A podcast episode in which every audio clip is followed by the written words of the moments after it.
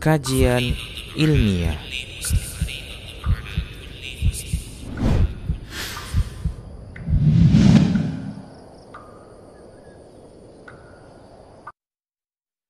Bismillah, Assalamualaikum warahmatullahi wabarakatuh. Alhamdulillah, wassalatu wassalamu ala rasulillah Wa ala alihi wa man walah. Wa ba'd. Pemirsa TV yang dirahmati Allah di mana pun Anda berada Puji dan syukur kita kepada Allah subhanahu wa ta'ala Karena atas limpahan nikmat karunia taufik dan juga hidayah Dan juga nikmat-nikmat lainnya Yang tidak terhingga yang masih Allah berikan pada kita pada hari ini Kita kembali bisa bertemu di stasiun televisi kesayangan kita bersama Rosyad TV, saluran dakwah keluarga Islami.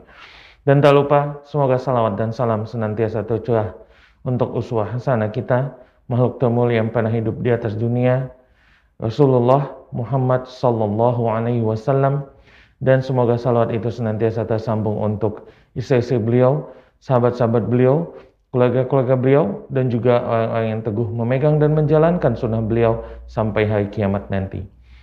Pemirsa TV yang dirahmati Allah di mana pun Anda berada, uh, insya Allah Ta'ala mulai pekan ini, setiap hari Jumat, uh, pukul 8.30 waktu Indonesia bagian Barat, sampai dengan pukul 9.30 waktu Indonesia bagian Barat, Insya Allah Ta'ala kita akan selalu mengikuti kajian bersama guru kita Ustadz Mizan Qudsiya LCM Hafizullah Ta'ala yang disiarkan langsung dari Lombok dan kita akan mengikuti kajian dan untuk pekan kali ini judul kajian kita adalah mengenang wasiat terindah Rasulullah Sallallahu Alaihi Wasallam bagian pertama.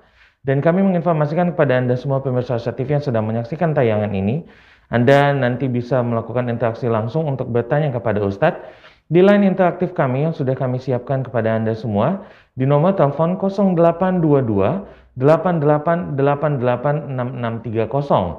Kami ulangi di 0822 88886630. Dan bagi Anda yang sedang menyaksikan acara ini lewat platform digital lainnya, baik itu YouTube, Facebook, ataupun Instagram, silahkan kirimkan pertanyaan Anda di kolom komentar. Baik, kita akan segera mulai kajian kita pada pagi kali ini. Kami minta semuanya untuk meluruskan niat bahwasanya pagi ini kita menuntut ilmu untuk kita amalkan sehingga dan kita ikhlas karena Allah Ta'ala. Baik, kita akan segera mulai kajian kita yang pertama pada pagi hari ini dengan judul mengenang wasiat terindah Rasulullah Sallallahu Alaihi Wasallam bagian pertama bersama guru kita Ustadz Mizan Kutsia LCMA Hafizul Ta'ala. Kepada Ustadz, Faliyatafaddol Maskura Ustadz. Assalamualaikum warahmatullahi wabarakatuh.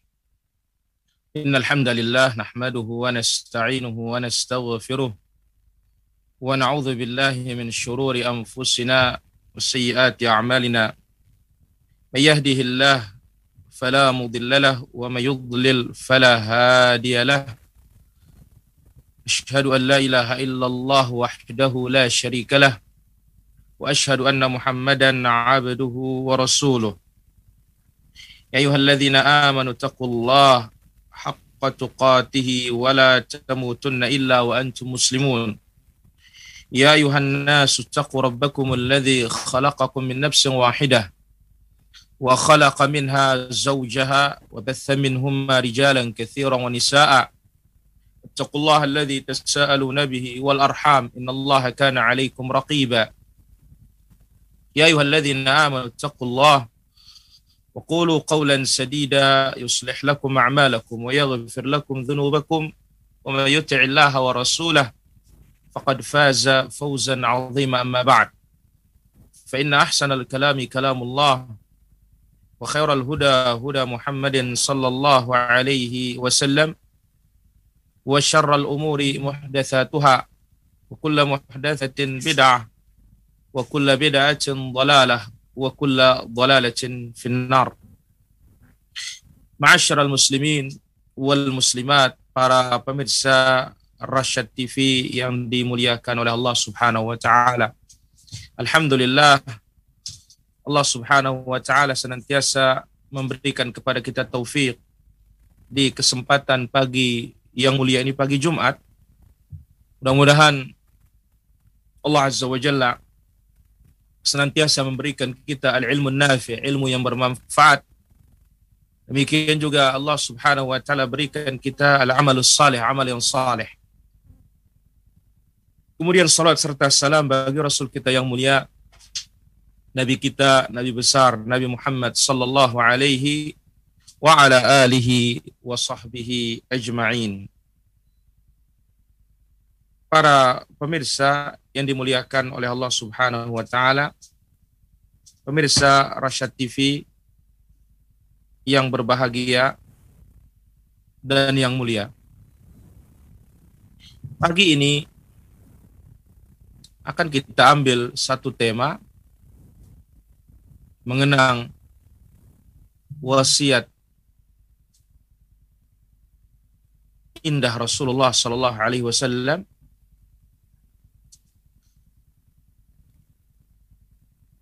wasiat terindah Nabi Sallallahu Alaihi Wasallam dan ini bagian pertama dari program acara kita di Jumat pagi ini. Mudah-mudahan Allah Subhanahu wa taala senantiasa memberikan kita kesempatan, memberikan kita taufiknya. Dan wasiat-wasiat yang mulia ini tentunya muncul dari orang yang paling sayang kepada umat ini. Yang tidak pernah minta upah ketika mengajak kepada surga Allah Subhanahu wa taala. Maka Allah Azza wa Jalla katakan dalam Al-Quran, Ittabi'u man la yas'alukum ajran wa hum muhtadun. Ikutilah penyeru yang tidak meminta upah kepada kalian. Dan mereka mendapatkan hidayah dari Allah Subhanahu wa taala. wasiat ini merupakan bentuk kasih sayang kepada orang-orang yang kita wasiati. Dan tidak ada di dunia ini dari kalangan makhluk ini yang paling cinta, yang paling sayang kepada kita ini kecuali Rasul Shallallahu Alaihi Wasallam. Sebab Allah Azza wa Jalla sudah sifati dia dalam Al-Quran wa kana bil mu'minina rahima. Dan dia terhadap orang-orang beriman penyayang.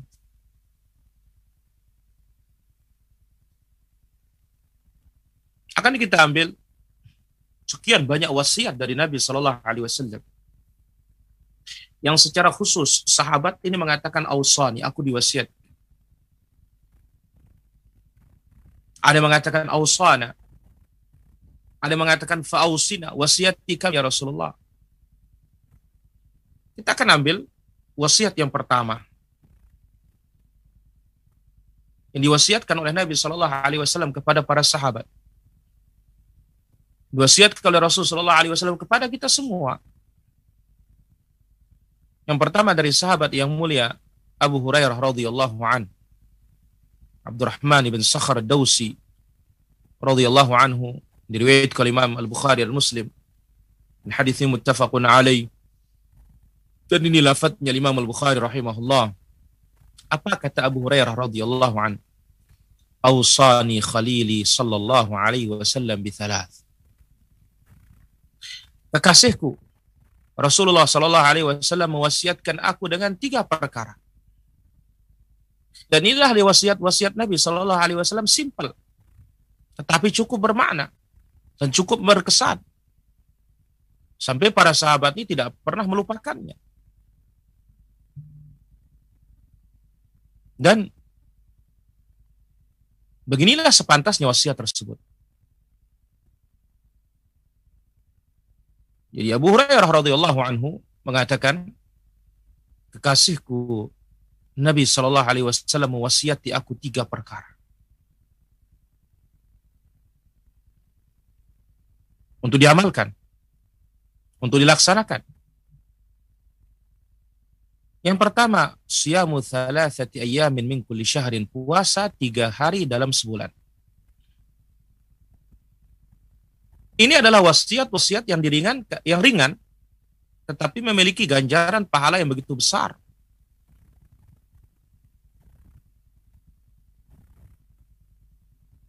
Di antaranya, apa disebutkan di sini berkaitan dengan puasa tiga hari dalam sebulan. Apa kata Nabi Shallallahu Alaihi Wasallam? Siyam thalathat ayyam min kulli syahrin fatilka siyamud dahr. puasa tiga hari dalam sebulan itu sama seperti puasa setahun. Subhanallah. Kenapa al-hasanatu bi'ashri amthaliha? Satu kebaikan dilipat gandakan menjadi sepuluh. Berarti tiga kali sepuluh, tiga puluh. Berarti tiga hari kita berpuasa sama seperti berpuasa sebulan. Ini wasiat yang pertama. Dan puasa tiga hari dalam sebulan ini bebas. Mau di awal bulan silahkan. Mau di ayamul bid 13, 14, 15 silahkan. Mudah akhir bulan juga silahkan. Mau Senin Kamis yang penting tiga hari silahkan. Tanpa terikat waktunya. Yang penting dalam sebulan tiga hari. Ini wasiat yang pertama. Kemudian wasiat yang kedua, warok acai al-duha. Aku diwasiatkan untuk melaksanakan dua rakaat sholat duha. Kenapa dua rakaat sholat duha ini?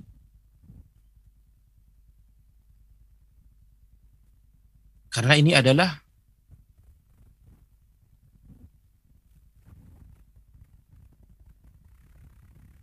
salat yang memiliki keutamaan yang sangat besar.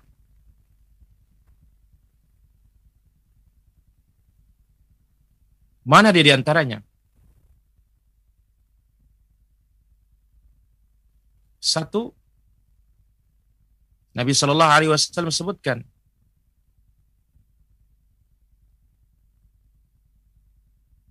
yusbihu ala kulli sulama sadaqah. Setiap pagi persendian kita yang jumlahnya 360 itu harus disedekahkan. Duha. Cukup untuk menyedekahkannya adalah dua rakaat duha. Di samping itu, apa kata Nabi Shallallahu Alaihi Wasallam? Salatul awwabin hina tarmadul fisal. Salatnya orang yang banyak bertaubat ketika anak unta kepanasan. Itulah dia salat duha. Maka dengan dua rakaat duha itu kita bisa menyedekahkan 360 persediaan di anggota badan kita. Mudah-mudahan Allah Azza wa Jalla senantiasa menjaga kita. Dan inilah tentu usaha kita untuk melindungi diri kita dengan sebab-sebab yang disyariatkan oleh Allah Subhanahu wa taala. Dan ini salatnya, salatnya orang yang suka bertaubat kembali kepada Allah Subhanahu wa taala. Rakaat ad-duha. Dan ini dikatakan salatul awwabin. Dan afdalnya di akhir waktunya. Yang ketiga, wa an utira qabla an anam aku diwasiati oleh Rasul Shallallahu Alaihi Wasallam witir dulu sebelum tidur. Ini tentunya apa? Maksudnya adalah untuk berhati-hati dan waspada. Maka ketika Nabi Shallallahu Alaihi Wasallam bertanya kepada Abu Bakar Siddiq radhiyallahu anhu Mata tutir ya Aba Bakar? Kapan kau witir? Kala ba'dal isya, qabla anam, sebelum isya. Nah, setelah isya, setelah aku, sebelum aku tidur. Setelah isya, sebelum tidur. Wani Nabi SAW bertanya kepada Umar, Mata ya Umar? Kapan kau ya Umar? Kala akhir lail, di akhir malam. Lalu Nabi SAW mengatakan, Wa amma anta ya Abu Bakrin ada engkau wahai Abu Bakar, maka engkau telah mengambil kehati-hatian. Adapun engkau ya Umar, engkau telah mengambilnya dengan kekuatan. Maka di sini bagi orang yang khawatir dirinya tidak bisa bangkit atau bangun di akhir malam, silahkan dia witir sebelum tidur. Dan minimal satu rakaat. Maksimal 13 atau 12 atau 11. Sebagaimana disebut oleh Bunda Aisyah radhiyallahu anha. Apa kata Nabi Shallallahu Alaihi Wasallam? apa kata Aisyah radhiyallahu anha, "Ma zada Rasulullah sallallahu alaihi wasallam fi Ramadan wala fi ghairi ala 11 raka'ah." Nabi Shallallahu Alaihi Wasallam tidak pernah menambah di Ramadan maupun luar Ramadan lebih dari 11 rakaat.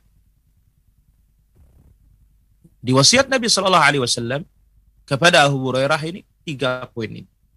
Yang pertama, puasa tiga hari dalam sebulan. Yang kedua, dua rakaat duha. Bukan berarti tidak boleh lebih dari dua rakaat, boleh. Tapi ini batas minimal. Demikian juga bukan berarti tidak boleh lebih dari tiga hari kita puasa di setiap bulan. Karena apa? Senin Kamis kalau empat pekan berarti enam, enam hari. Tentu akan memiliki pahala tersendiri yang lain lagi.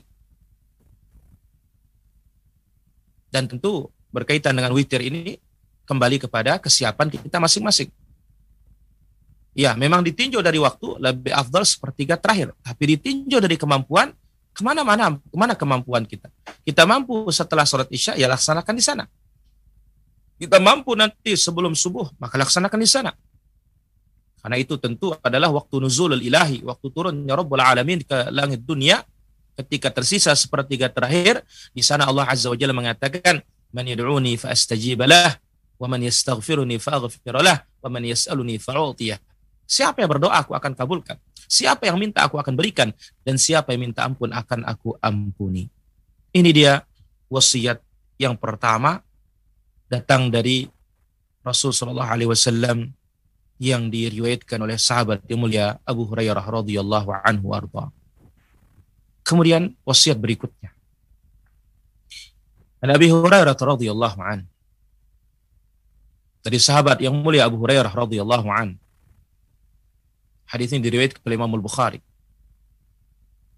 Anna rajulan qala lin Nabi sallallahu alaihi wasallam. Ada seorang bertanya kepada Nabi sallallahu alaihi wasallam.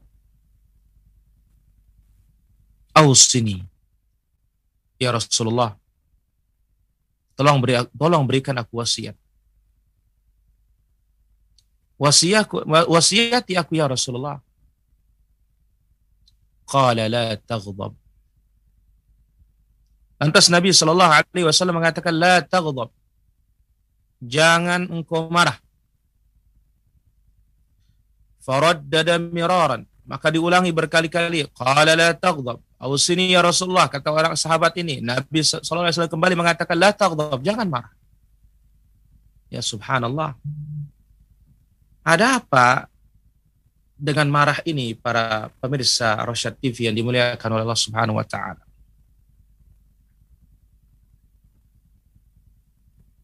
Apa masalahnya? Disebutkan tentang wasiat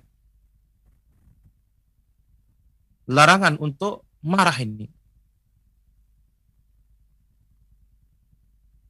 Al-ghadab marah. Ini adalah minas sifatil zamimah. Sifat yang tercela yang telah datang dalil-dalil untuk mencelanya dan memperingatkannya. Karena marah ini menyebabkan permusuhan, kedengkian, perpisahan antara suami dan istri, hancurnya rumah tangga, kacau balonya anak, terputusnya silaturahim, terjadinya peperangan, fitnah, ditumpahkannya darah. Maka marah itu mengumpulkan seluruh keburukan. Mendatangkan murkanya Allah. Menyenangkan syaitan. Maka Imam Al-Bukhari rahimahullah ta'ala membawakan dalam sahihnya babul hadar minal ghadab. Bab waspadai marah. Berdasarkan firman Allah subhanahu wa ta'ala dalam surat Asy-Syura ayat 37, "Walladzina yajtanibuna kaba'iral itsmi wal fawahish." Mereka yang menjauhkan dosa-dosa besar dan kekejian-kekejian wa idza ma ghadibu yaghfirun. Ketika mereka marah, mereka memaafkan. Kemudian dalam surat Al-Imran ayat 134, "Alladzina yunfiquna fi sabi fi sarra, alladzina yunfiquna fi sarra." Yang berinfak ketika masa senang, masa sus, masa mudah, masa lapang dan masa susah. Wal al wal nas. Yang menahan marahnya maka itu sebabnya Nabi Shallallahu Alaihi Wasallam dalam hadis yang tadi mengatakan ketika dia minta kepada Nabi, ya Rasulullah tolong kasih aku wasiat. Qala la taghdab. Jangan kau marah. Faradda dan diulangi lagi, la taghdab. Nabi mengatakan jangan marah. Nah, Imam Al-Khattabi rahimahullah taala mengatakan apa makna la taghdab? Ijtanib asbab al-ghadab. Jauhi sebab-sebab marah. Jangan melakukan hal-hal mendatangkan kemarahan. Ya. Nah, marah itu sesuatu yang sifatnya wajar lumrah. Ya, itu tidak ada larangan zat marah itu. Tetapi apa sebab-sebab kemarahan itu tentunya. Ya. Kemudian Nabi Shallallahu Alaihi Wasallam menyebutkan dalam kalimat yang singkat ini wasiat itu memang kalimat-kalimat wasiat itu mesti singkat. Nah dalam kalimat yang singkat ini Nabi mengatakan la. Kalimat ini jama'a khairat dunia wal akhirah. Mengumpulkan antara kebaikan dunia dan akhir. Kenapa? Karena marah ini akan membawa kepada memutus hubungan. Menghilangkan kelembutan. Dan akibatnya menyakiti orang yang kita marahi dan itu akan mengurangi iman kita.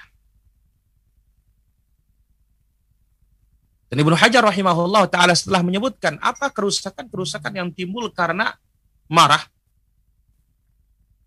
Beliau mengatakan ya kalimat Nabi Shallallahu alaihi wasallam yang mengatakan la taghdab, jangan marah. Di dalamnya penuh dengan hikmah. Mendatangkan kemaslahatan. Menolak kemudaratan. Yang tidak bisa untuk kita hitung berapa jumlahnya. Wahada kulluh fil ghadabid dunyawi. Tetapi marah yang dimaksud di sini marah urusan dunia. Lal ghadabud dini bukan marah urusan agama. Kalau urusan agama kita marah, marah memang harus begitu. Maka lihat Nabi Shallallahu Alaihi Wasallam ketika berkhutbah setiap Jumat apa disebut oleh sahabat? Ishtadda ghadabu. Sangat marah Nabi Shallallahu Alaihi Wasallam.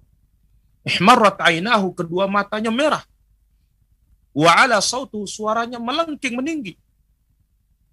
Lalu mengatakan amma ba'du fa inna asdaqal hadithi kitabullah wa khairal huda huda al-mustafa huda huna huda Muhammadin sallallahu alaihi wasallam wa syarral umuri muhdatsatuha fa inna kulla muhdatsatin bid'ah wa kulla bid'atin dhalalah wa kulla dhalalatin finnar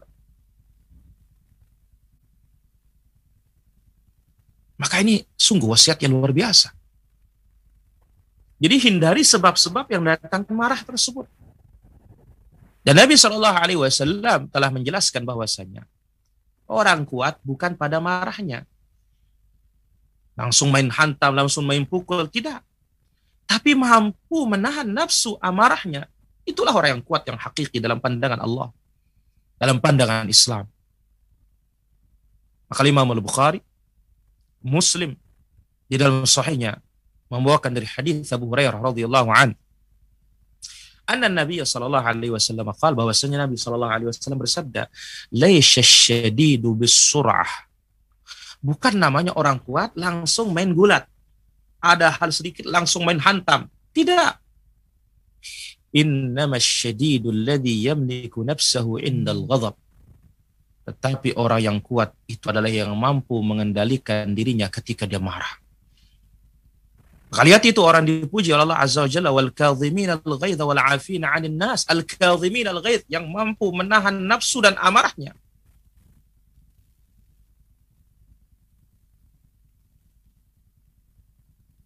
Kemudian Nabi Shallallahu Alaihi Wasallam sebutkan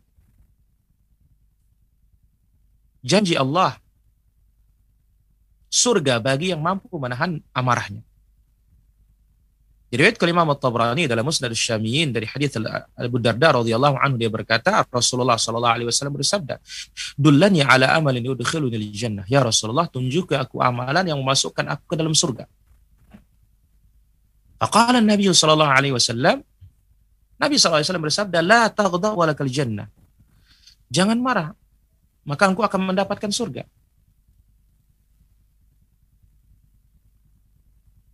Kemudian juga hadis Nabi Shallallahu Alaihi Wasallam yang lain. Apa kata Nabi Shallallahu Alaihi Wasallam?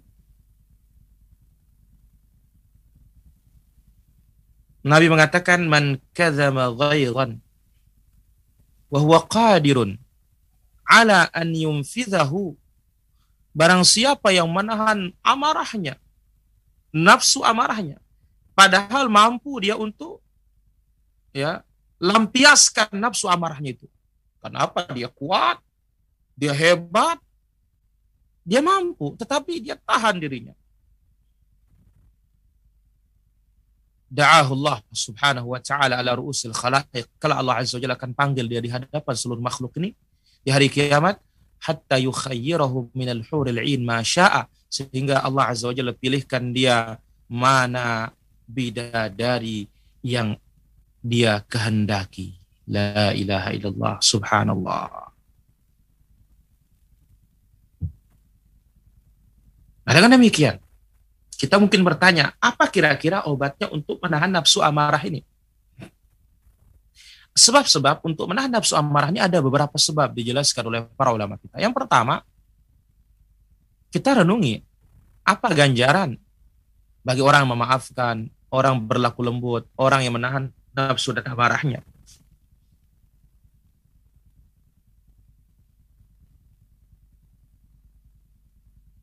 kita renungi hadis-hadis tersebut. Mana dia? Nah, itulah di hadis yang tadi. Siapa yang mampu menahan nafsu amarahnya pada siapa yang menahan nafsu amarahnya padahal dia mampu untuk melampiaskannya, tapi dia tahan. Allah akan panggil di hari kiamat. Pilih mana bidadari yang kau kehendaki. Kita ingat hal tersebut, insya Allah kita akan bisa menekan amarah kita. Yang kedua, hendaklah kita berlindung dari syaitan ketika datang sebab-sebab marah tersebut. Sebagaimana hadis sahihain. Dari hadis Sulaiman bin Surat radhiyallahu an ada dua orang sahabat yang saling maki di hadapan Nabi Shallallahu alaihi wasallam.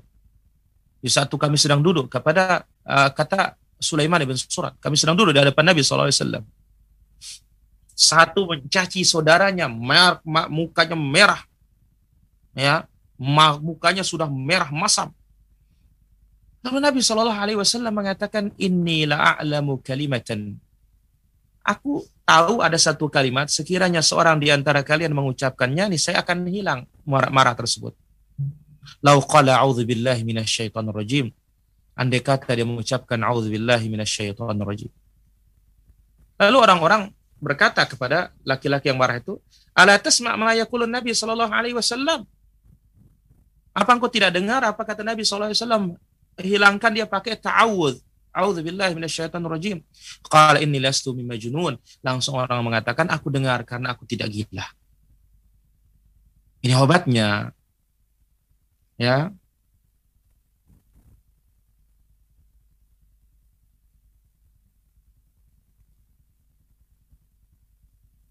Ibnu Hajar rahimahullah taala menerangkan apa rahasianya?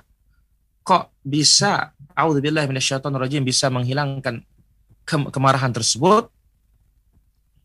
Ya karena ketika dia kembali kepada Allah azza wajalla dengan meminta perlindungan dari syaitan maka dia akan ingat. Ya.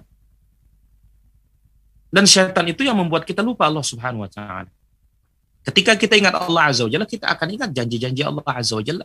Di saat itu kita akan menghentikan.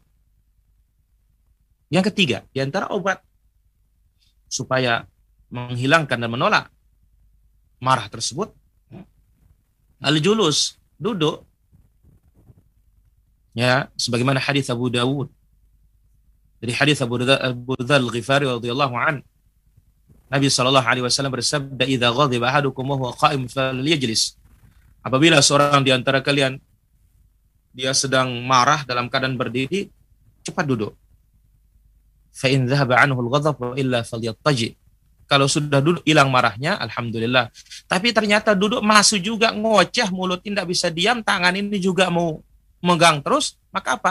Falyattaji. Kata Nabi Shallallahu alaihi wasallam, hendaklah dia tidur. Dan inilah yang dilakukan yang diperintahkan oleh Nabi Shallallahu alaihi wasallam ketika terjadi fitnah juga. Maka di saat fitnah yang berdiri dia duduk, yang duduk dia tidur, yang berjalan dia duduk. Kenapa? Karena kalau kita berdiri lebih cepat, kalau kita berjalan lebih cepat, kalau kita lari lebih cepat lagi.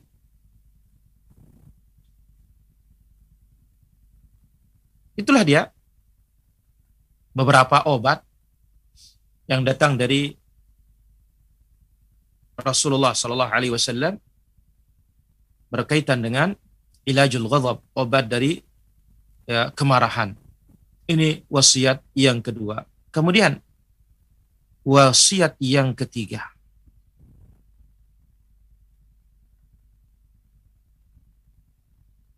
An Abi Dzar Al-Ghifari radhiyallahu an.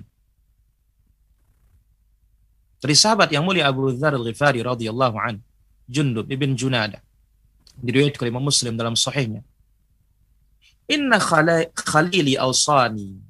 Sesungguhnya kekasihku telah mewasiatkan aku an asma'a wa ati'ah. Dengar pemimpin-pemimpin kalian, taati dia dalam kebaikan itu. Dengar. Jangan memberontak. Wa in kana 'abdan mujadda al-atraf. Meskipun dia seorang hamba sahaya yang terpotong anggota tubuhnya, terpotong telinganya, terpotong hidungnya, yang tidak ada harganya. Sekiranya dia naik menjadi pemimpin, wajib untuk kita taat. Sebagaimana dalam hadis Al-Irbat bin Sariyah, yang Nabi Shallallahu Alaihi Wasallam katakan usikum bittaqwallah was-sam'i wa ta'ah wa in ta'ammaru alaikum 'abdun habasyi Aku wasiatkan kalian untuk bertakwa. Was-sam' mendengar para pemimpin-pemimpin kalian wa ta'ah dan mentaatinya dalam kebaikan tentunya. Wa in ta'ammaru alaikum 'abdun habasyi meskipun kalian dipimpin oleh seorang budak Habasyah, budak Ethiopia yang hitam legam, keribu, keriting, hidungnya pesek, tapi ketika dia naik menjadi penguasa, wajib taat dalam kebaikan. Tidak boleh kita memberontak, tidak boleh kita menentang. Kalau ada yang salah, ingkari kesalahannya. Tapi untuk memberontak, gara-gara kesalahan yang yang sedikit itu tidak boleh dalam Islam. Karena itu adalah manhajul khawarij. Cara orang khawarij beragama. Karena dalam pandangan mereka, ya iman ya kafir, hitam putih. Nggak ada abu-abu. Maksudnya apa? Nggak ada namanya fasik. Ya. Imma iman wa imma kafir. Itu madhab, madhabul khawarij. Ahlus sunnah wal jamaah tidak. As-salafiyun tidak. As-salafus salih tidak. Nabi SAW melihat dengan wahyu dari Allah Azza, Azza wa Jalla. Bagaimana masalah menimbang maslahat dan menimbang mudarat. Yang berkuasa punya senjata, punya pasukan. Yang tidak berkuasa, apa yang dia miliki? Maka bukan satu hikmah ya melawan yang punya senjata menggunakan tusuk gigi, menggunakan pisau dapur. Dan tentu ya akibat memberontak jauh lebih besar mudaratnya ketimbang dia naik ya dengan kekuasaan apa pun bentuknya.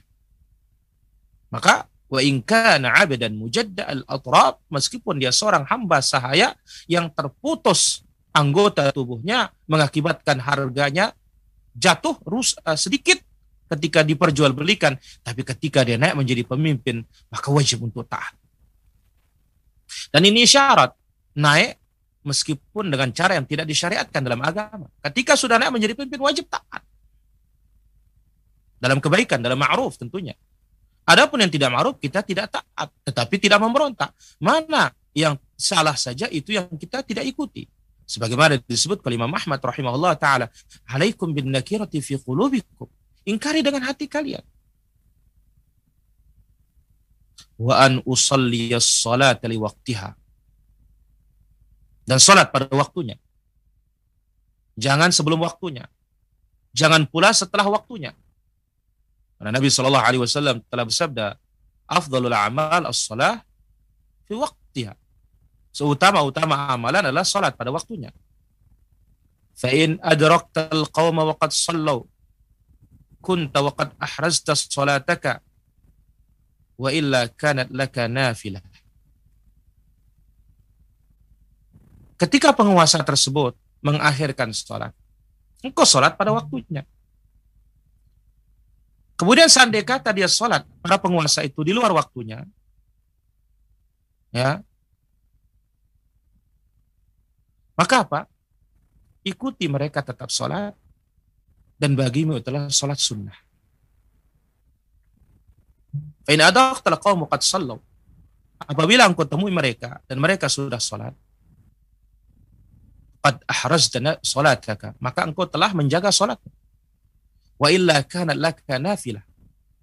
Nah, andai kata engkau salat kembali bersama mereka, maka itu akan menjadi salat sunnah bagimu. Hadis ini dikeluarkan oleh Imam Muslim rahimahumullah rahimahullah taala. Maka pelajaran yang utama dan pelajaran penting di dalam ya hadis ini adalah ke kepatuhan dan ketaatan kepada penguasa dan larangan untuk memberontak dan bersabar atas kekurangan dan kesalahannya tidak ada jalan bagi kita untuk memberontak sama sekali dalam Islam. Dan ketika terjadi kekurangan, kesilapan dari penguasa, ingkari dengan cara yang baik, dengan cara yang syar'i, sebagaimana yang disebut oleh Nabi Shallallahu Alaihi Wasallam. Man arada an yansaha li sultanin fala yubdihi alaniyah. Barang siapa yang ingin memberikan nasihat bagi para penguasanya, fala yubdihi alaniyah maka jangan dinampakkan ya secara terang-tangan wal ya'khudh biyadihi ambil tangannya. Fa in qabila fadzaka kalau diterima alhamdulillah wa illa faqad adda alladhi ma'alaih kalau tidak maka dia sudah tunaikan kewajibannya dan tugasnya inilah dia para pemirsa Rasyad TV di mana pun berada yang sudah tergabung melalui layar kaca di satelit Telkom. Mudah-mudahan Allah Azza wa Jalla memberkahi apa yang kita ambil pada pertemuan kita di kesempatan pagi yang berbahagia dan mulia ini. Wal ilmu indallah wa sallallahu wasallam wa barak ala abdika wa rasulika Muhammad wa ala alihi wa sahbihi ajma'in. Wa akhiru da'wana alhamdulillah rabbil alamin. Masih ada 15 menit lagi untuk kita bertanya jawab. Kami persilahkan bagi para pemirsa Rasyad TV ya untuk menyampaikan pertanyaannya melalui dialog interaktif maupun WhatsApp maupun SMS. Wallahu taala ala wa ala. Baik, jazakallah khairan Ustaz atas uh, faedah yang sudah diberikan. Baik pemirsa Asia TV di mana pun Anda berada, kami mengundang Anda untuk bisa berinteraksi dengan Ustadz di Lombok dan bisa menelpon di line interaktif kami di 0822 88886630 kami ulangi di 0822 88886630. Baik, sambil menunggu penelpon, kita akan bacakan terlebih dahulu. Ini sudah ada pesan yang masuk. Assalamualaikum, Ustadz izin bertanya. Berbicara tentang marah, apakah ada batasan-batasan marah terhadap istri, Ustadz? Barakallahu fikum, Ustadz. Wafiq barakallah. Baik, Waalaikumsalam warahmatullahi wabarakatuh. Alhamdulillah wassalatu wassalamu ala Rasulillah wa ala alihi wa sahbihi wa ma ba'd. Kita katakan bahwasanya marah agama boleh. Ya, marah agama boleh. Urusan agama. Tapi marah urusan dunia ini hindari. Karena ini sebab yang banyak menjadikan rumah tangga itu hancur. Ini sebab la tuhmadu uqbahu yang tidak kita inginkan akibatnya eh, urusan agama, Nabi Shallallahu Alaihi Wasallam marah kepada istrinya. Mana contohnya? Ketika ya ada atau ketika dikatakan ya salah satu istri Nabi Wasallam Safiyah atau yang lainnya dikatakan dia pendek, Nabi Wasallam marah. Ya, Laqad qulti kalimatan law muzijat bima'il bahri lamazajathu. Sungguh engkau sudah mengucapkan suatu kalimat, sekiranya kalimat itu dicampur dengan air laut, niscaya air laut, laut itu akan tercampur semuanya, terkontaminasi dengan kalimat tersebut. Hadza huwa wallahu taala ala wa alam. Kami silakan bagi pemirsa Rasyad TV. Baik, Ustadz. Uh, Jazakallah Ustadz atas jawabannya. Ini ada pertanyaan berikutnya. Uh, Assalamualaikum Ustadz apa hukumnya merutinkan sholat duha pada jam kerja? Mungkin ini maksudnya Ustadz, beliau mencuri-curi waktu untuk merutinkan sholat duha padahal saat itu di, beliau sedang bekerja. Barakallahu fikum Ustadz. Baik. Uh, kita katakan bahwasanya ketika sedang bekerja jangan ambil ya karena itu hak yang kita tanda tangani yang disebut oleh Nabi SAW al-mu'min ala syurut. Orang beriman itu sesuai dengan syaratnya. Nah kecuali kalau ada jam istirahat itu yang kita manfaatkan untuk ya beribadah maka tidak ada masalah. Adapun jam kerja jangan. Kenapa? Kita sudah akad ya dan Allah azza wajalla perintahkan ya ayyuhalladzina amanu aufu bil uqud ya orang-orang beriman tepati akad dan janji yang sudah kalian uh, tegakkan. Wallahu taala ala wa alam.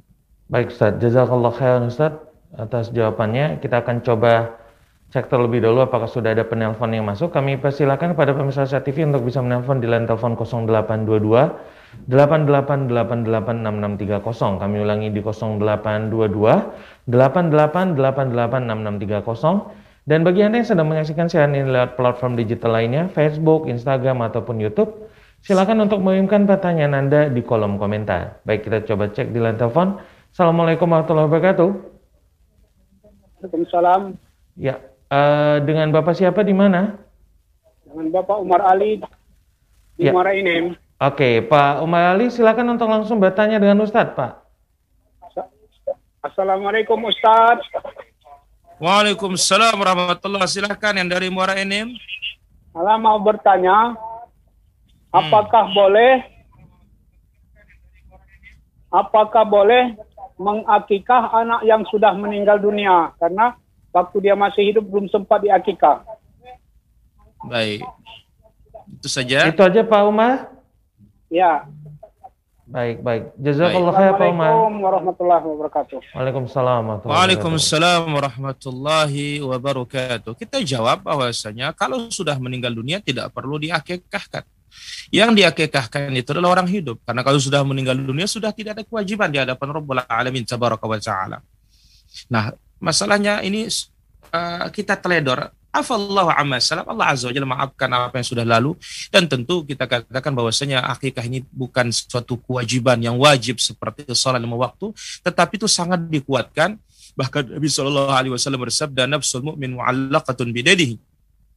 Nyawa seorang mukmin itu bergantung pada afwan nafs uh, uh, nafsul mu, nafsul mu'min mu'allaqatun atau disebutkan dalam hadis yang lain ya kullu gulamin begitu lafaznya kullu gulamin murtahinun bi aqiqati hatta yuzbah anhu. Setiap bayi itu murtahinun bi aqiqati tergadai dengan akikahnya. Ya tergadai dengan akikahnya. Sampai disembelihkan kambing. Nah tapi ini masalahnya sudah berlalu dan sudah meninggal dunia maka tidak perlu. Yang dijelaskan oleh para ulama kita bahwasanya yang perlu diakikahkan itu adalah apabila dia itu masih hidup meskipun sudah dewasa karena dalam hadis sebagaimana disahihkan oleh Imam Al-Albani rahimahullah dalam silsilah sahihah, aqqan Nabi sallallahu alaihi wasallam an nafsihi ba'da an bu'itha nabiyyan. Nabi sallallahu alaihi wasallam mengakikahkan dirinya setelah diutus menjadi nabi. Kemudian juga disebutkan oleh Imam Hasan Al-Basri, kemudian juga para ulama yang lainnya, jikalau engkau tahu dirimu belum diakikahkan, maka akikahkan dirimu. Ini tentunya ketika masih hidup. Kalau sudah meninggal dunia, tidak perlu untuk diakikahkan. Wallahu ta'ala ala wa. Baik Ustaz, Barakallahu fikum Ustaz atas jawabannya. Kita akan kembali ke pertanyaan yang sudah dikirimkan kepada kami. Ini ada pertanyaan berikutnya Ustaz. Assalamualaikum Ustaz. Bertepatan dengan hari Jumat, ini ada pertanyaan dari uh, pemirsa kita atas nama Ibu Nanin Undani dari Bali. Pertanyaannya adalah, Ustadz, apakah selain sholat tahiyatul masjid, pada sholat Jumat ada sholat qobliyah Ustadz? Barakallahu fikum Ustadz. Fiq barakallah. Kita katakan bahwasanya Rasul Shallallahu Alaihi Wasallam bersabda pertama terhadap Sulaik al Ghatafani karena dia telah datang langsung Nabi SAW dia masuk langsung duduk Nabi SAW tanya dia Asalaita engkau sudah sholat belum ya Rasulullah? Qala salli wa tajawaz fihima.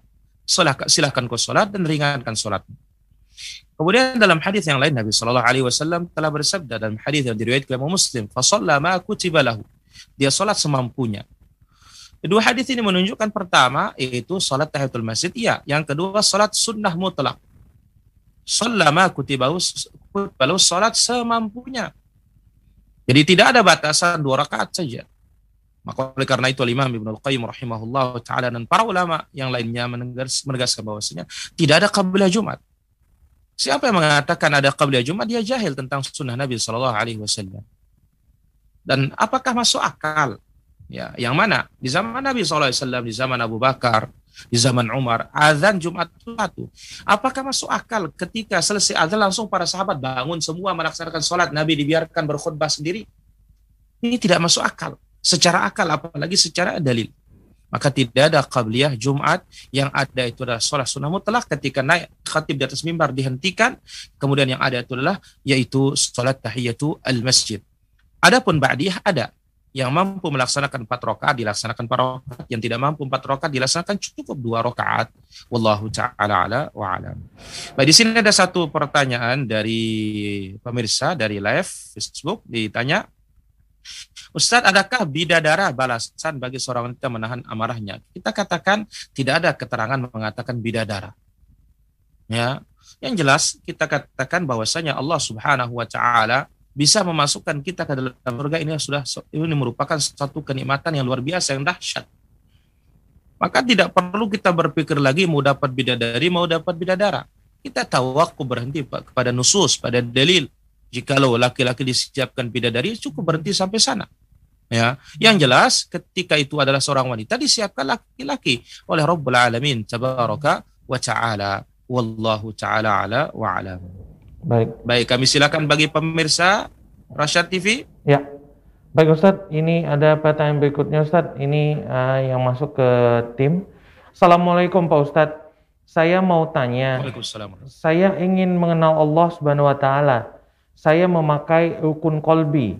Yang saya tanyakan, semakin saya pakai, rasanya semakin banyak bergejolak dalam diri. Itu apa setan atau yang lain Ustaz? Terima kasih Ustaz. Baik, kita katakan Ma'rifatullah Azza wa Jalla mengenal Allah Azza wa Jalla. Apa kata Allah Azza wa Jalla disebutkan dalam surat Muhammad? Fa'alam annahu la ilaha illallah. Ya, Fa'alam annahu la ilaha illallah. Ilmuilah bahwasanya tidak ada ilah yang berhak diibadai kecuali Allah. Cara mengenal itu belajar tauhid. Belajar tauhidnya para para nabi dan para rasul yang merupakan prinsip agama mereka satu. Walaqad ba'athna fi kulli ummatin rasula an i'budallaha wa yajtanibut taghut. Kami telah utus fi kulli ummatin pada setiap setiap umat itu rasul apa seruan mereka semuanya? Ani'budullah agar beribadah hanya kepada Allah. Wajtani taghut menjauhkan segala sesembahan selain Allah Azza wa Jalla. Maka kenalilah Allah Azza wa Jalla melalui akidahnya para salafus saleh. Jangan kenalilah Allah Azza wa Jalla melalui, akidahnya sufiyah atau ahli falsafah. Kenapa? Karena yang seperti itu lam yazdad min Allah illa bu'da. Cara seperti itu akan semakin menjauhkan kita dari Allah Subhanahu wa taala. Jadi kenali Allah Azza wa Jalla dengan melalui kitabullah Al-Quran. Kenali Allah Azza wa Jalla melalui sunnah Nabi-Nya Sallallahu Alaihi Wasallam. Kenali Allah Azza wa Jalla melalui akidahnya Nabi Sallallahu Alaihi Wasallam, akidahnya para sahabat. Itu cara yang benar untuk ya mengetahui Rabbul Alamin Tabaraka wa Ta'ala. Dan berkaitan dengan dikatakan uh, iman qalbi. Pertama, iman itu dalam prinsip ahlu sunnah wal jamaah. As-salafiyun ya qaulun bil lisan diucapkan dengan hati la ilaha illallah Muhammad Rasulullah. Wa tasdiqum bil qalbi dibenarkan oleh hati kita. Fahami makna yang kita ucapkan tersebut. Wa amalun bil arkan dan diamalkan dengan anggota badan. Ini cara yang benar. Adapun ketika beribadah kepada Allah azza wa jalla ya ini disebut dengan arkanul ibadah maka ini tiga. Kita beribadah dengan rasa cinta. Kita beribadah dengan penuh rasa harap. Kita ibadah penuh dengan rasa takut Adapun mengenal Allah Azza wa Jalla menggunakan rukun kalbi, ya, ini bukan madhab ahlu sunnah wal jamaah. Ini adalah ya madhabnya al-kullabiyah. Bukan madhabnya ya ahlu sunnah. Ahlu sunnah itulah tiga tersebut. Qaulun bil lisan, wa tasdiqun bil qalb, wa amalun bil arkan. Wallahu ta'ala ala wa alam. Baik Ustaz, jazakallah khairan Ustaz atas jawabannya dan kita masuk ke pertanyaan terakhir Ustaz sekaligus nanti uh, Ustaz boleh memberikan uh, penutup pada pertemuan kita pagi hari ini. Ini ada pertanyaan dari hmm. salah satu pemirsa kita. Assalamualaikum Ustaz, hmm. mau tanya bagaimana uh, membaca kitab Al-Bazanzi dengan lagu-lagu? Ini bagaimana hukumnya Ustaz? Barakallahu fiikum Ustaz. Baik. Barakallah. Pertama kita katakan bahwasanya fabi haditsin ba'dahu yu'minun. Kalau dengan Al-Qur'an kita tidak beriman, maka dengan apa lagi kita kita akan beriman? Al-Quran adalah kalam Allah Azza wa Jalla. Sibukkan diri kita dengan Al-Quran. Kenapa kita sibukkan diri kita dengan ucapan manusia yang tidak maksum? Yang di dalamnya ada pujian berlebih-lebihan kepada Nabi SAW yang membawa kepada gulu. Yang Nabi SAW sendiri tidak setuju dengannya. Maka dikatakan tinggalkan. Ya, pelajari kitab Allah, pelajari sunnah Nabi Sallallahu Alaihi Wasallam. Yang Nabi Sallallahu Alaihi Wasallam katakan, taraktu fikum amrain. Aku tinggalkan bagi kalian dua perkara. Lan tadillu ba'dahuma ini tasamtum bihima kitab Allah wa sunnati. Kalian tidak akan sesat selama-lamanya kali apabila kalian pegang teguh yang dua itu. Kitab Allah wa sunnati, Al-Quran dan sunnah. Bukan ditinggalkan berazanji. Kita lebih sibuk baca berazanji daripada Al-Quran. Baca Qurannya belepotan. Ya, baca berazanjinya Masya Allah, Tabarakallah. Ya maka sungguh apa yang disebut oleh Allah Azza wa Jalla ittakhadhu hadzal Qur'ana mahjura. Mereka telah meninggalkan Quran ini. Nasallallahu salamat wal afiyah. Jadi wasiat kami nasihat kami sibukkan diri dengan kitab dan sunnah Nabi SAW tinggalkan ya namanya Barazanji karena itulah karangannya Al-Barazanji bukan dari Nabi SAW bukan dari para sahabat bukan juga dari Imam Syafi'i. Wallahu taala ala wa alam. Demikian para pemirsa Rasyad TV yang dimuliakan oleh Allah, oleh Allah Subhanahu wa taala. Mudah-mudahan kita bisa mengambil wasiat wasiat tiga wasiat tersebut. Wasiat witir sebelum tidur, puasa tiga hari dalam sebulan, kemudian wasiat dua rakaat duha, wasiat untuk tidak mudah marah, wasiat untuk mendengar dan taat kepada pemimpin dalam kebaikan dan tidak memberontak dan bersabar atas ya kekurangan dan kesalahannya dan mudah-mudahan Allah Azza wa Jalla senantiasa memberikan kita taufik semua terus istiqamah mempelajari agama Allah, kitab Allah dan sunnah nabinya sallallahu alaihi wasallam. Ikuti terus program Rasyad TV. Semoga Allah Subhanahu wa taala memberkahi kita semua dan menjadikan negeri kita ini baldatun thayyibatun wa rabbun ghafur, negeri yang baik dan ampunan yang datang dari Rabbul Alamin tabaraka wa taala.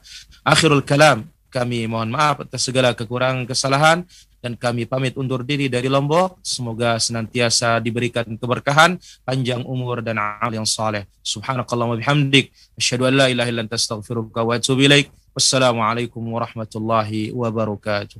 Waalaikumsalam warahmatullahi wabarakatuh. Jazakumullah khairan buat guru kita Ustadz Mizan Kursi LCM Hafizullah Ta'ala dan juga tim MQH TV yang sudah bekerja sama membantu terlaksananya pertemuan pertama kita di kajian online live streaming bersama Rasyad TV dengan judul mengenang wasiat terindah Rasulullah Sallallahu Alaihi Wasallam bagian pertama. Insya Allah Ta'ala kita akan bertemu kembali pada Jumat pekan yang akan datang di jam yang sama, jam 8.30 waktu Indonesia bagian Barat sampai jam 9.30 waktu Indonesia bagian Barat. Kami mohon maaf kepada seluruh pemirsa Rasyad TV yang tidak yang tidak yang pertanyaan tidak bisa kami sampaikan karena waktu yang terbatas. Insya Allah Ta'ala di pekan yang akan datang kita bisa berinteraksi lagi dengan Ustadz. Kami kerabat kerja yang bertugas pamit undur diri. Kita tutup dengan doa kafatul majlis. Subhanakallahumma bihamdika. Syadu la ilaha illa anta astaghfiruka wa atubu. Assalamualaikum warahmatullahi wabarakatuh.